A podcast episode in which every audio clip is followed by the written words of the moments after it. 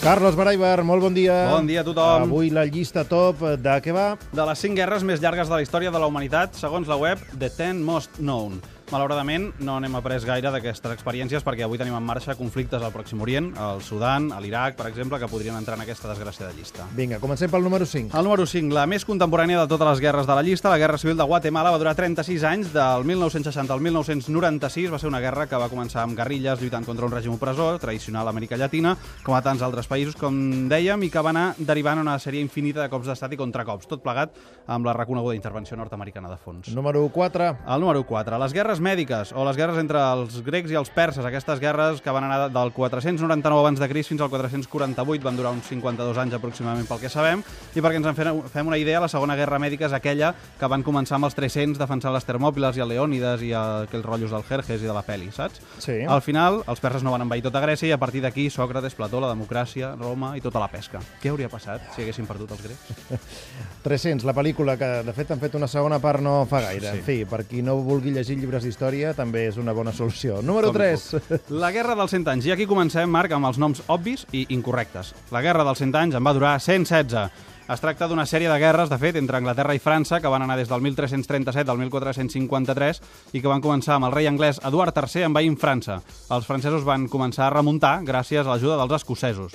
Aquell bon rotllo, eh? I tot i així són amics ara, I ara, tots sí. ells. Bueno, Sí, ara hi ha un concòrdia. referèndum, però vaja. Eh, Número 2. però són amics. Al número 2 hi ha la guerra d'Arauco, una guerra que va durar, atenció, 290 anys. La guerra és entre els espanyols i la tribu indígena sud-americana dels Mapuche. És la prova més espectacular de resistència indígena contra la invasió europea. Va començar el 1536, totes aquestes dades les teniu, si voleu, a internet.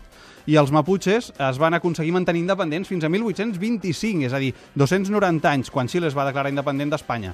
Després de dècades de règims militars, ara encara alguns Mapuches han d'estar demanant que se'ls reconegui el dret d'autodeterminació. I els maputxes, eh, per ser els amants de la vacirologia, coneixeran la seva bandera, que és potser la bandera amb més colors de tot el món, una bandera molt, molt, molt, molt maca. Ets tan friqui. Sí, número 1. El número 1, la guerra més llarga de la història, és també la més friqui per tu, Garriga, i desconeguda. Una guerra, la guerra dels 335 anys, i va ser entre els Països Baixos i unes illes que es diuen Illes Sorlingues, que estan a baix a l'esquerra de Gran Bretanya, per entendre'ns. Vindrien a ser el que es coneix com a quatre pedrotes, més aviat cinc pedrotes, que fan 16 quilòmetres quadrats. Perquè ens en fem una idea, Formentera fa 83 quilòmetres quadrats, una mena de perejil britànic. Doncs aquestes illes sorlingues s'hi van amagar els monàrquics britànics derrotats per, pels parlamentaristes. Holanda va declarar la guerra als monàrquics, va portar la flota a aquestes illes on s'estaven amagant, va perdre, això s'ha de dir, però com que els parlamentaristes ja havien guanyat Anglaterra, doncs a Holanda li va importar i va marxar, o sigui, li va importar molt poc, van marxar d'allà fins al punt que es van oblidar de signar un, un tractat de pau, és a dir, no van tancar la guerra, com si diguéssim.